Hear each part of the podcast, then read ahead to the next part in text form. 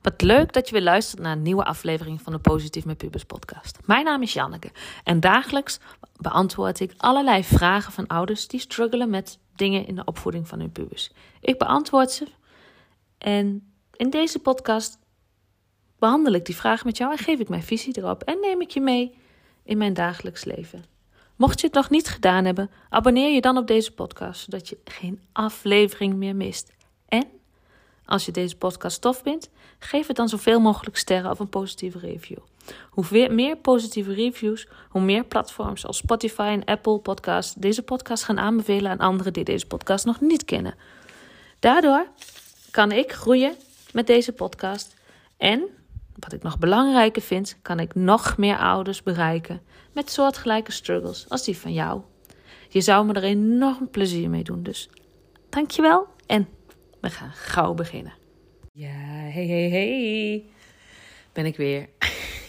Soms denk ik echt, oh, zie je nog wel zitten om elke keer naar me, af te stemmen op mijn podcast, op de Positieve Pubers podcast. Maar aan de andere kant denk ik, weet je, ik denk ook wel dat, dat, en dat durf ik wel te zeggen van mezelf, dat ik waarde leven. Dat ik dingen bespreek met je die, die um, herkenbaar zullen zijn. Waarvan je kunt denken: oh ja, ja, dat heb ik ook. Of oh nee, dit heb ik gelukkig niet. En ik denk dat dat als ouder soms best wel lekker is om te weten en om te horen van oké, maar ik ben niet de enige die struggelt met, met iets met mijn kinderen.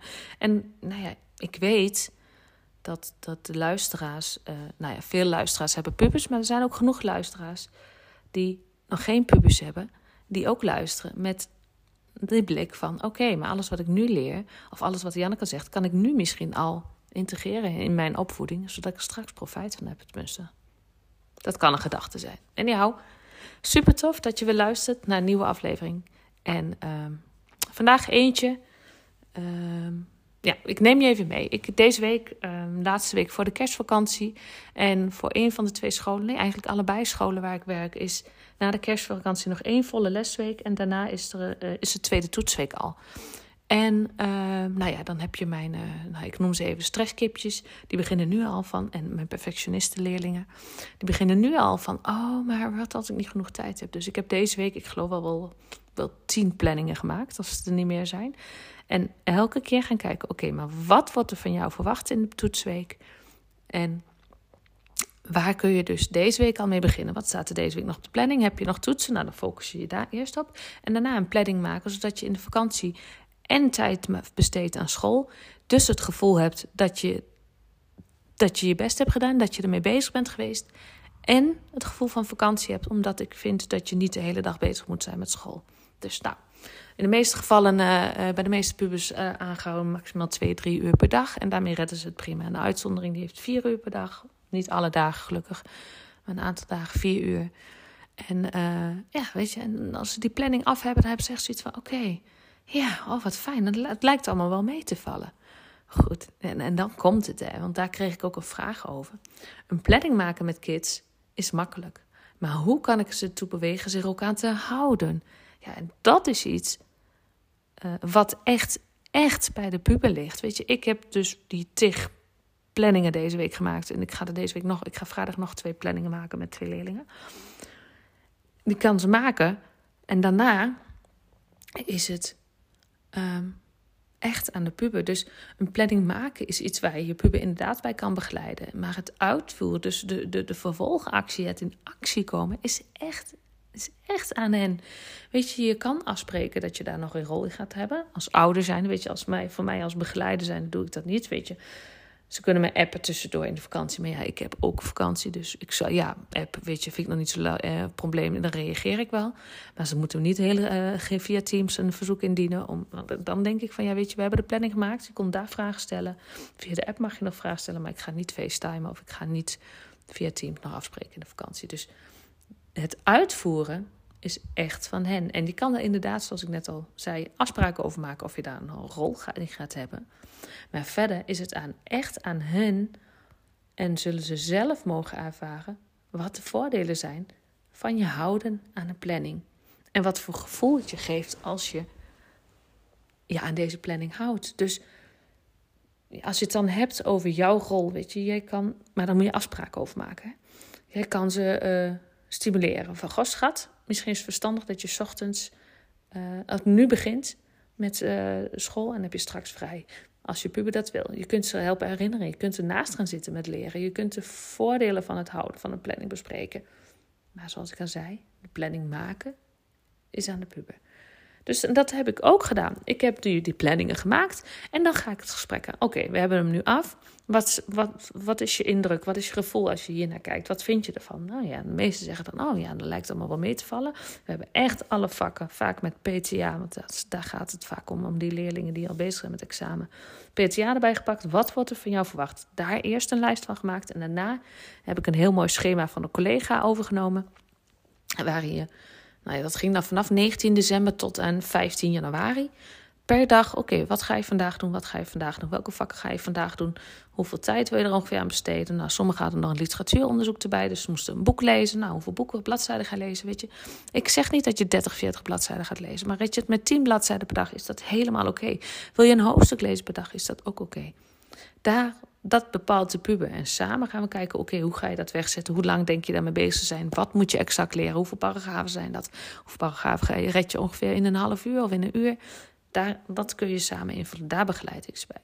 Is de planning af, dus echt op een A3, een voorkant, achterkant, dan is het zo. Nou, weet je, de planning is nu af.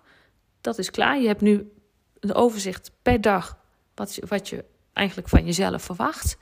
En nu is het aan jou. Nu moeten zij de keuze maken, elke keer weer, om aan de bak te gaan. En de een zegt: Oké, maar wat doe ik dan als ik echt lekker in de flow zit en nog zin om het af te maken? Ja, weet je, dan maak je het af. En maar wat nou?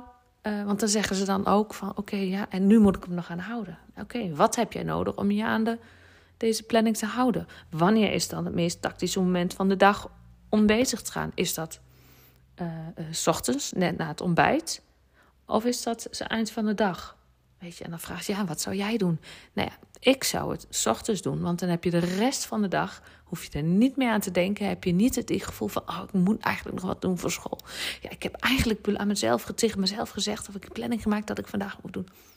Weet je, dat is niet fijn. Uitstelgedrag is, weet je, dat, dat, dat werkt niet. Dat werkt bij ons ook niet. Uiteindelijk doen we het wel, omdat de deadline naderbij komt. Maar je kunt het beter gewoon eerst doen en daarna zeggen van, oh ja, ik heb me wel lekker gedaan. Ik ben er gewoon vanaf voor vandaag. Dat is veel fijner dan dat je aan de achterkant zegt van, oh ja, dat moet ik eigenlijk nog doen. Oh ja, ik heb eigenlijk helemaal geen zin in. Oh, ik, ben die, oh, ik wil die film of die serie toch nog even afkijken. Oh, nog één aflevering. Nou, weet je, dat gaat niet werken. Dat werkt bij onszelf niet. Werkt bij een puber ook niet. Maar ja, wij kunnen op een gegeven moment de knop omzetten. Hup, we gaan ervoor. Pubers vinden dat vaak lastiger. Wat je dan kan doen, zijn een aantal hele eenvoudige tips die je misschien met je puber kan bespreken. De ene is heel simpel, tel tot vijf. Weet je, kun je je nog herinneren dat je je kinderen, uh, toen ze wat jonger waren, als je nu met een drie tellen hier komt, dan drie, twee, één. En negen van de tien keer waren ze er. Want dan voelen ze dat er iets aan de hand is. En dit kunnen ze zelf ook doen. Wanneer ze uh, eigenlijk weten dat ze aan de gang moeten, maar niet zo'n zin hebben. Drie, twee, één. En bij nul of bij één, de actie. Gewoon doen. Jezelf dwingen om te doen. is een hele eenvoudige die je kan toepassen. Wat je ook kan doen in zo'n situatie is jezelf belonen. Oké, ik ga nu eerst dit doen en dan mag ik die serie, mag ik twee afleveringen van de serie kijken, mag ik drie afleveringen. Um, nou ja, whatever. Ik weet niet of je eten per se als beloning moet doen, maar iets wat ze echt heel leuk vinden om te doen als beloning. Maar dan misschien ook net weer iets anders dan wat ze normaal doen. Dus kijk wat werkt voor jouw puber. Laat je puber zelf nadenken wat werkt om je aan die planning te houden. Maar uiteindelijk zullen zij die keuze moeten maken. Jij kan niet voor ze leren. Jij kan, je kunt die samenvatting maken, maar daar hebben zij niks aan. Ze zullen zelf die keuze moeten maken. En doen ze het niet, is dat ook hun verantwoordelijkheid. En maak dat ook duidelijk. Zij maken dan zelf de keuze om niks te doen. Met dus alle gevolgen van die. Met dus het gevolg, heb je weer die deadline, die toetsweek die eraan komt. Ik heb samenvatting niet af, ik heb niet genoeg tijd gehad. Oh, was ik maar eerder begonnen, bla bla bla. Ja, ze zullen het moeten ervaren. En dat is het. De ene heeft het eerste toetsweek al ervaren en die zegt nu van... ik ga nu echt anders aanpakken, want dit werkte niet. Nou ja, ik heb er ook wat die zeggen... nou nee, ik hoef geen planning te maken. En de kans is heel erg aanwezig dat ze na de vakantie komen... ah shit, Janneke, uh, kun je me toch even helpen? Ja, dat is helemaal oké. Ervaren. Door ze te zelf te laten ervaren... zullen ze merken, oké, maar dit werkt voor mij en dit werkt niet voor mij. Maar dan moet je ze wel de gelegenheid geven om ze dat te laten ervaren. Ook al ben je het niet eens met hun keuze. En dat is een uitdaging voor jou en een uitnodiging om daarin te groeien. Daarin hoef je nog niet perfect te zijn. Je hoeft het echt niet in één keer te kunnen. Je hoeft het echt niet in één keer los te laten. Maar weet wel dat dat ook een uitnodiging is voor jou om het bij je puber te laten. Oké.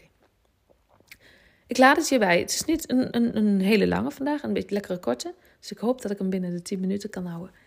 Dankjewel voor het luisteren. Succes met de voorbereiding. Geniet van de kerstdagen. En uiteraard ben ik er gewoon maandag weer.